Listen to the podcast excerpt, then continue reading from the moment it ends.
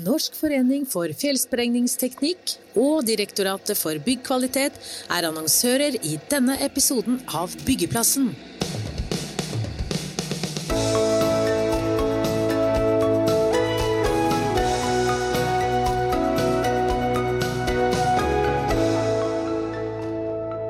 Hvorfor sprekker gigantprosjekter? Og velkommen til denne episoden av Byggeplassen live fra Byggarena Arendal.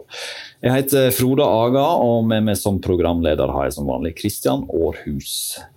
Og med oss her på Baker Jørgensen så har vi fått med oss utbyggingsdirektør Espen Almli i Nye Veier. Og så har vi fått med oss en eh, konserndirektør fra utbygging i Bane NOR, Bettine Sandvin. Velkommen til oss. Og Er du innom bygg.no en gang iblant, så har du garantert fått med deg at det har vært utfordringer på Follobanen. Og er du litt over snittet bransjeinteressert, så har du muligens fått med deg at Nye Veier har møtt på problemer på et av sine prosjekter i Trøndelag. Vi begynner med deg, Bettina, og et enkelt spørsmål først. Fins det noe enkelt svar på at et prosjekt sprekker på tid og penger? Jeg skulle ønske det, men det gjør jo ikke det, dessverre. De prosjektene som, som, vi hører mest om, som sprekker, det er jo de aller største prosjektene. Og det er noe med at når et prosjekt blir stort, så blir det også veldig komplekst. Eh, og det er ikke hyllevare, det vi kjøper. Så det er veldig mange ting som er avhengig av hverandre og har grensesnitt til hverandre. Så eh, det er et sammensatt problem, rett og slett. Vi var innom eh, Follobanen innledningsvis, og det er jo et av de prosjektene som kanskje ikke er hyllevare. Det går over lang tid, som du er inne på. Og så er det en litt spesiell sak, for det har jo vært eh, skjøvet på tid, gått på kostnadssmeller. Eh, og så når de har åpna det, så må de stenge det på nytt. Og så blir det en ny forskyvning. kan du si litt hva som har skjedd der som gjør at det prosjektet er så spesielt? Ja, eh, det er jo først og fremst størrelsen, det også. At det er veldig stort. Det er kjempekomplekst.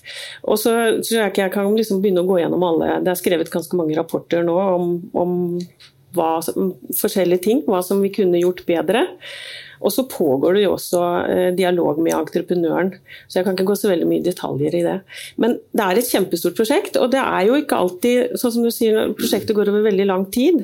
Selv om det er tilsynelatende det samme prosjektet, så skjer det ganske mye med et prosjekt over så mange år. Så eh, det er, det er kompleks, kompleksiteten som er det store, egentlig. En ting som ofte hører som går igjen, er jo og eh, krevende grunnforhold. Du er fra Moss, ja. eh, bor der fortsatt. Du har sikkert noen ja. eh gravemaskiner ikke så langt unna fra der du bor, tipper jeg. Ja. Der har jeg møtt på kjempestore utfordringer i grunnen, mm. som igjen har ført til kostnadssprekker på eh, jernbaneutbyggingen der. Og de vet ikke vi hvor Vi vet i hvert fall ikke hvor store de blir ennå. Hva, hva er det som er utfordringen der? Der eh, er det jo altså Alle har visst at det var kvikkleire i Moss, det visste vi. Men det er et langt prosjekt, det var kjempestort. Det er ti km, og det er én km hvor vi har støtt på større utfordringer enn vi hadde regna med. Og så er det til det med kostnader. Da. Hvis man vet om det på forhånd, så koster det jo mindre enn når man får vite om det underveis. Og det er jo litt det som skjer. Men i Moss er det litt spesielt, for der, der er det egentlig noe sånn at vi, vi har fått et sånn lite, vi må sikre et område i Moss først i tillegg til jernbanebyggingen. Så er, vi har fått et tilleggsdimensjon i det prosjektet. Mm. Mm.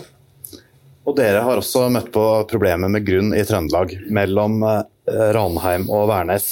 Dere har varsla en mulig utsettelse på to år. Fortell, og Dere har ikke entreprenør PT. Fortell hva som har skjedd der oppe.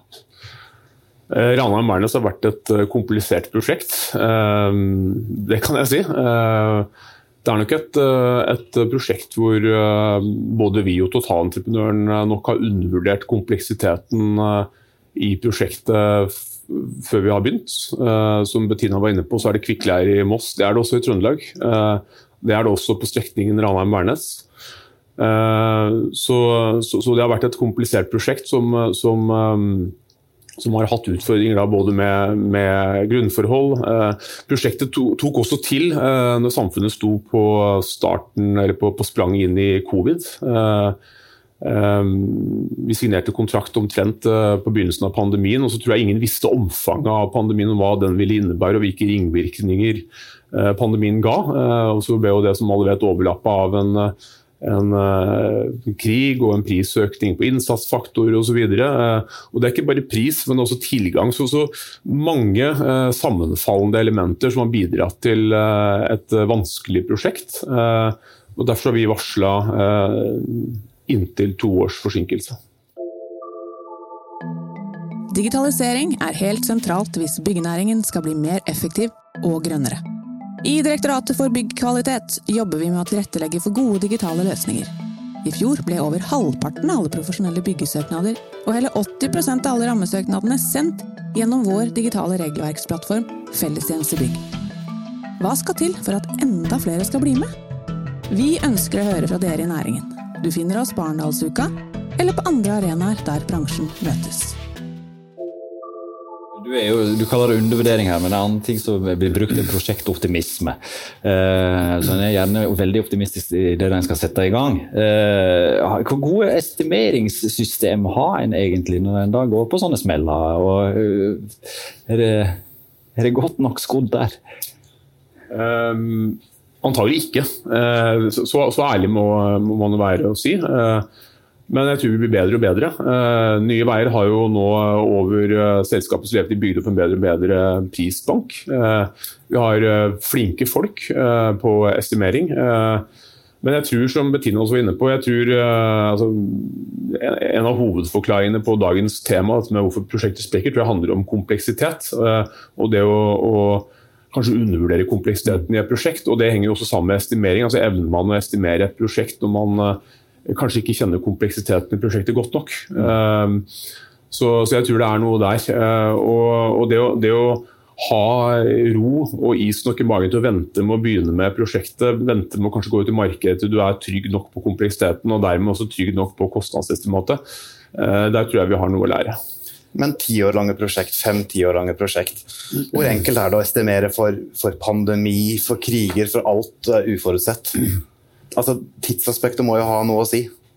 Nei, Det korte svaret på det, det er vanskelig. Mm. Uh, jeg tror en, en, del, uh, Hvis man skal deskifrere hvorfor prosjekter sprekker, så tror jeg nok dette med uforutsette hendelser er en av en tre-fire hovedforklaringer. Og så er det kanskje altså graden av uforutsett. Hva er egentlig en uforutsett hendelse? Uh, vanskelig å, å, forutse krigen i Ukraina, men grunnforhold er nå kanskje litt annet. Der kan en vel gjøre litt bedre undersøkelser i forkant? ja, det er, det er også kost-nytte-spørsmål. Du må gjøre nok eh, grunnundersøkelser, at du er trygg nok. Eh, og Så blir jo det en, en risikovurdering, men, eh, men, jo mer utrygg du er, jo mer må jo det også speiles i prosjektets usikkerhetsavsetning. Så er du, er du, Har du en tilstrekkelig utrygghet når du begynner prosjektet og tar sjansen på å begynne å bygge, så må det da være reflektert i i usikkerhetsavsetningen, så ikke det blir overraskelser eh, eh, på kostnadsbildet. Jeg er ganske sikker på at du hadde ønska at det tok enda litt flere grunnundersøkelser, i Moss i hvert fall.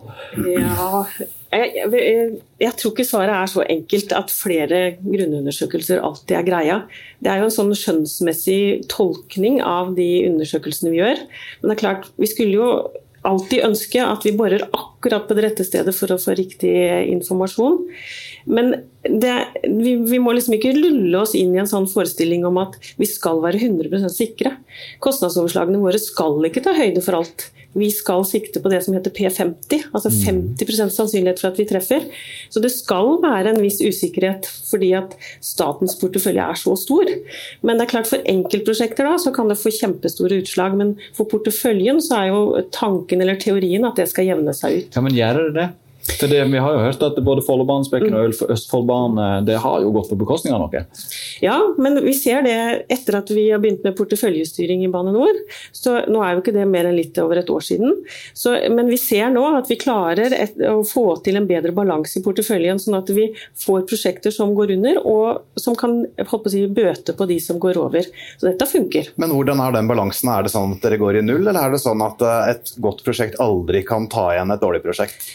Vi beveger oss mot balanse, kan jeg si. Men er, vi var jo i en skjevhet vi, vi, begynte jo med det her i fart, mens vi var i stor fart. Og vi måler mot en eh, NTP hvor vi var i ubalanse allerede. Men vi har fått til veldig mye på halvannet år. Men det beveger ikke mot balanse. Ja. Hvor stort er det spriket, da? Eh, nei, Hvis vi ser ett eksempel på eh, det som skjer i Moss, så tror vi at vi skal klare å hente inn overskridelsen andre steder i porteføljen, faktisk. Men, Men de tallene får du ikke ennå. Nei, det var mitt neste spørsmål. Hva er det tallet? Men, men hva med entreprenør? Altså, dere har uh, kvitta dere med entreprenøren i, i, Trøndelag. Fortell litt om den prosessen. Når er det dere begynner å tenke at det kan være et alternativ? Vil, for det første så vil jeg si at, at, det er kanskje en byggherres verste mareritt å stå uten entreprenør på et arbeid du har begynt på. Så det er ikke et ønsket scenario. Så har vi hatt god dialog med entreprenøren eh, her. Uh, vi har forsøkt over tid å finne løsninger. Eh, de løsningene har på en måte, altså Løsningsregisteret har jo vært over hele over hele lerretet. Alt ifra å, å, se på muligheter for å fortsette sammen eh, i henhold til kontrakten, og så gå hvert til vårt. Fordi at begge parter anser det som, eh, som det mest fornuftige, gitt prosjektets usikkerhet og, og, og, risiko på det tidspunktet vi står nå. Eh, og, Vi har da kommet til den eh, enigheten med Aksjonen at vi går hvert til vårt. Men hvor mye av det prosjektet forandra seg fra når dere starta til det dere nå skal bygge? Nei, jeg var jo litt inne på enkelte altså, Kontrakten her ble inngått på et krevende tidspunkt. Mm. Det var på spranget til covid, og så kom krigen. Og så har det også vært verre grunnforhold enn hva vi antok. Uh, grunnfor, økt altså annen grunnforholdsrisiko så blir det også behov for å omregulere. Så har vi nok vært for hissige på grøten i å, å, komme i gang før vi har hatt alle formalia på plass. og Det tror jeg er en sånn generell uh, risiko uh, eller lærdom når det gjelder hvorfor prosjekter sprekker på tid og kost. At man må ha kontroll på, tilstrekkelig kontroll på formalia som utslippstillatelser og um, risikoen for at du må omregulere underveis. Det, da, det, det, er jo sentrale temaer for en tvist med en entreprenør var det for hissig på grøten på Lågendeltaet òg, da? For der òg har du møtt på utfordringer eh, som, som, gjør at det det er, også, det er, et stort og komplisert spørsmål. Der, der, har vi jo på en måte fulgt eh, regelverket etter plan- og bygningsloven osv. Så, videre, og så tror jeg på en måte samfunnet må reflektere litt, og der er jo vi en part der, men vi må reflektere hvordan en så stor risiko kan dunke inn så sent uh, i, en, uh, i, en, prosess. Uh, dette med at en ikke får dispensasjon til å operere i et Eh, reservat. Ja. Og der, eh, hva kan du si om status der? For nå Rett før sommerferien som, eh, så beslutta regjeringen det er flere tiltak som skal forbedre ja. eh, situasjonen der for ja, fugl og fisk og andre verneverdier. Mm. Eh, men det får jo store konsekvenser for et prosjekt både på tid og penger. Og så må det sette i verk tiltak. Ja. Nei, nå, vi, nå, er vi i en prosess hvor vi må få kontroll på hva disse avbøtende tiltakene koster oss, hvem som skal betale det. Og, og så må vi jo sluttforhandle med entreprenøren eh, og, og, se at vi klarer å få levert et scope og, innenfor en øh, kostnad eh, som vi har penger til. Vi har en ramme på dette prosjektet her, og den akter vi å forholde oss til. Så du har heller ikke et svar sånn som Bettina på hvor mye dette vil koste? Nei, det, det, det, det, har jeg ikke. Men, men, det jeg har et svar på, er at blir det mer her, så blir det mindre å bruke på noe annet. og Da blir det kanskje et annet veikonsept enn hva vi på et tidlig stadium har tenkt oss på et annet prosjekt. Og Da er vi inne på det med porteføljestyring igjen. At det, noe, det går på bekostning av noe. Ja, ja, det gjør det. Men jeg vil bare, altså overordna sett i temaet, så tror jeg Du var inne på dette med kompleksitet osv. Jeg, jeg tror nok at prosjektet Sprekker på tid og kost har noe med Eh, jeg har reflektert mye over det temaet. Jeg tror det har noe med planlegging å gjøre. Eh, altså, planlegge et prosjekt riktig, det å vurdere kompleksiteten og risikoen osv. Det har noe med tilstrekkelig og, og, og, godt nok, og så har det noe med tror jeg, eh, dette med uforutsett og graden av uforutsett. Og så tror jeg vel det har noe med hvordan du styrer prosjektet underveis, mm. som er som tredje tema. Og fjerde tema, det har noe med partenes innstilling til det å finne løsninger underveis. Altså Hvis begge parter vender nesa bort fra hverandre og, og samarbeidet surner, så, så, så, blir den snøbanen større og større. Mm. Mens uh, hvis den underliggende tilliten egentlig er god, og samarbeidet er, er, bra i prosjektet, så tror jeg på en måte det uh, øker sannsynligheten for å kunne finne løsninger når det virkelig blir vanskelig. Mm. For det blir vanskelig i alle prosjekter. Noen av de entreprenørene som har blitt kasta ut de siste åra av norske prosjekter, har vært utenlandske entreprenører. Hvor mye har det å si, den lokale kunnskapen? Nei, Det er viktig. Eh, det er viktig at en entreprenør som eh, opererer i norske forhold, kjenner irrgangen i det norske byråkratiet. og eh, jeg tror nok at en del utenlandske entreprenører som har jobba i Norge, reflekterer litt i sene nattetimer over at man kanskje har undervurdert det. Det har vi fått tydelige signaler på tilbake fra en del av de vi har jobba med. Eh, så, så, Det er viktig eh, at man bygger seg opp kompetanse i Norge på det norske byråkratiet hvis man er utenlandsk entreprenør. Eh, for det er, det, er, egne saksbehandlingssystemer og prosedyrer, og det er et nettverk av kontakter og, så videre, og knapper en kan trykke på for å forsere, eller for å holde trykket oppe i en saksbehandling. Mm. Og Det er viktig at, at at, at, en utenlandsk entreprenør forstår. og det, Mitt inntrykk er at det tar de på alvor, og det, det jobber de godt med å, å, bygge opp kompetanse på også. Men hva med forholdet mellom dere som byggherre og, og entreprenørene? Altså, norske byggherrer har kanskje tettere forhold til de norske store eh, byggherrene enn det de utenlandske har?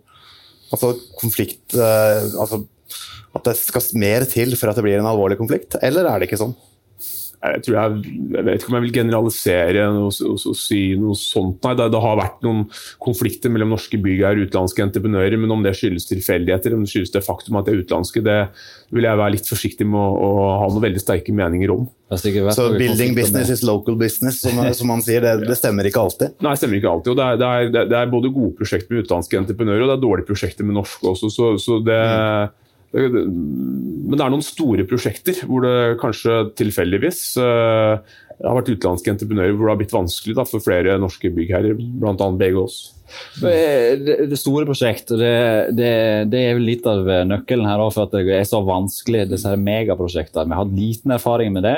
Eh, Bane Nor eh, og Follobanen det, det er et veldig stort prosjekt eh, i Bane Nors eh, portefølje. Eh, hvor godt skodd var det for å ta et så stort prosjekt eh, hos dere? Var det klar for det? Eh, altså, eh, Bane Nor, eh, var, eller Jernbaneverket som het da, da, var jo klar over Det gjaldt jo hele bransjen. Eh, størrelsen på prosjekter og kontrakter vokste kjempefort. Så jeg vil nok si at kanskje vi alle ikke var sånn 100% klar. Men det vi gjorde for å prøve å bøte på det, var jo at vi henta kompetanse fra andre bransjer som var vant til å drive stort. Eh, og så fikk vi jo inn internasjonale aktører som også var vant til å bygge stort. Mm. Så, så det var jo et forsøk å bøte på det at det var større enn noe av det vi har gjort før. Men så har det vært også blitt kritisert at dere henta inn kompetanse fra andre næringer som ikke kjente mm. eh, nødvendigvis hvordan det var å bygge en tunnel. Eh.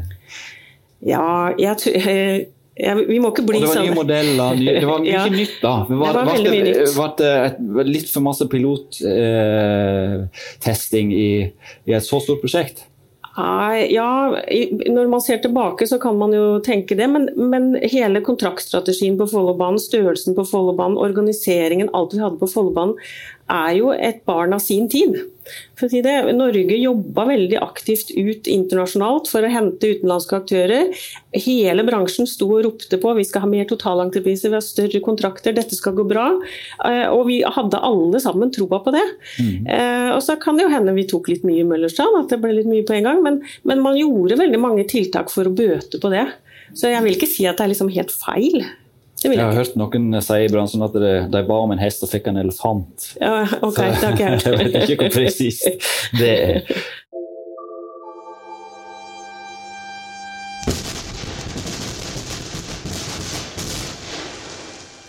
Vi sprenger grenser. Utfordringer i dagen, løsninger i grunnen. Hilsen oss i NFF, Norsk forening for fjellsprengningsteknikk. Vi er der det skjer. Besøk vår stand under Arendalsuka. Men, eh, men, størrelse er uansett en størrelse. veldig eh, mm. krevende faktor. Mm. Eh, og det har begge to veldig store prosjekt. Hvordan går det da inn i, i tidlig fase her? Det, du var inne på eh, med tidlig fase oppe i Trøndelag. Kom de for tidlig inn? Eh, entreprenørene? For Det har jo vært en snakkis i bransjen at de skal tidlig inn. Er det en utfordring at de kommer for tidlig inn? Kan være. Kan også være en fordel. Kan også være en fordel å få spilt på entreprenørens kompetanse entreprenørens spisskompetanse i krevende og komplekse prosjekter. Så, så det der er, eh, det kan være både òg. Um, der også tror jeg det er vanskelig å generalisere, for det blir veldig situasjonsavhengig. Om entreprenøren kom for tidlig inn i, i Trøndelag eller ikke, det er vanskelig å spekulere i det, men, men vi har gjort oss noen erfaringer med tidliginvolveringsprosjekter, kontraktsformer uh, som vi evaluerer. Men det, det, vi er blitt tryggere og tryggere på, at vi ønsker å være mest mulig ferdigregulert når vi signerer en kontrakt med en entreprenør. Så det å regulere sammen, det går vi litt bort fra. Det går det litt bort fra. Ja. Det, for det gjorde det i Trøndelag, ikke sant? Ja. Mm. Eh, så var det heller ikke halvt ferdig regulert når man signerte kontrakt. Nei. Og så skal dere ha en markedsdialog nå på samme prosjektet? Ja, vi ønsker jo å minimere risikoen så mye som overhodet mulig for at denne forsinkelsen skulle bli mer enn to år. Eh, vi tror at, at det er mulig å ferdigstille den veien her nå, dette anlegget her, eh, med en forsinkelse på inntil to år. Eh, og Derfor så vi nå, jobber vi nå veldig intensivt med hvilket scope vi går ut med når, om det er hele eller deler osv. Og, så videre, og inviterer til en markedsdialog i, i september. Minske risikoen hvis det er mindre deler. Altså Vi så et prosjekt som ble lansert i går, eh, Sørfold, som var mindre enn det som var opprinnelig planlagt. Og Da mente Vedum sa at eh, det var flere som kunne regne på det. Er det sånn? Altså, er prosjektene blitt for store? Jeg legger til det jeg spør om. Nei, det, det, det, muligens, men, men jeg, jeg, tror vi må vel så, i vel så stor grad se på hva prosjektet består av. Eh, å bygge langt i ukomplisert lende eh, med en stor kontrakt, det kan være mindre komplisert enn å bygge et, ha et mindre prosjekt med veldig mye grunnforholdsproblematikk og mye tunnel og mye bro og osv. Så, videre. så Så det kommer an på, kanskje svaret. Jeg må spørre deg, For deg som kjenner bransjen, så kjenner jeg deg fra Statens vegvesen òg, eh, Bettina. Du har lang erfaring derfra. Er det lettere å bygge vei enn å bygge jernbane, og hva lærer du fra de ulike hold? Nei. Nei, eh, det er veldig mye likt, egentlig. Ja. Eh, er, eh, vi er jo mye i den samme bransjen. Vi har jernbaneteknikk som er litt annerledes, men ellers er det jo samme markedet. Der prosjektene styres jo etter samme metodikk. Vi styres etter statens prosjektmodell. Mm. Så eh, nå er jo Bane Nor og Statens vegvesen litt forskjellig eierstyring. Så, men ellers så er det veldig mye likt, egentlig. Fristende å spørre deg hva du foretrekker av eierstyring der, da? Og styring av Vegvesenet og Bane NOR. Ja, ja. Eh, jeg syns jeg eh, Altså, jeg har vært i Statens vegvesen i veldig mange år. Statens vegvesen er en kjempeviktig del av mitt liv. Så veldig, har vært en super arbeidsplass. Men nå er jeg i Bane NOR, og der syns jeg det er helt fantastisk å være. Det er helt fantastisk å være. Mm. Og du har vært i Bane NOR. Er det nye veier nå? Men hva er forskjellene? Er det forskjeller? Ja, det er forskjeller på Det er to uh, store, spennende organisasjoner som har veldig spennende prosjekter.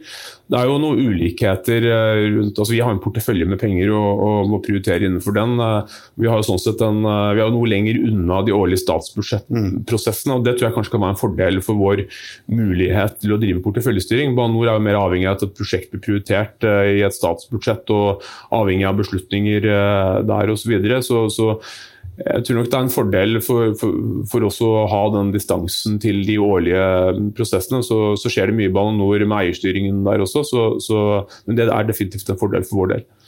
Vi er ofte veldig opptatt av det politiske og når det gjelder utbygginger. og sånn. Når det varsellampene kommer da, inn i et prosjekt, eh, her ser vi at eh, oi, dette her har ikke vi råd til, nå må vi gå til Stortinget. Hvordan er prosessen der? Når er det varsla For din del i Nye Veier så må du varsle et styre, ja, Bane NOR òg, styre. Eh, hvordan er den stegsmodellen der? Når går varsellampene hvor?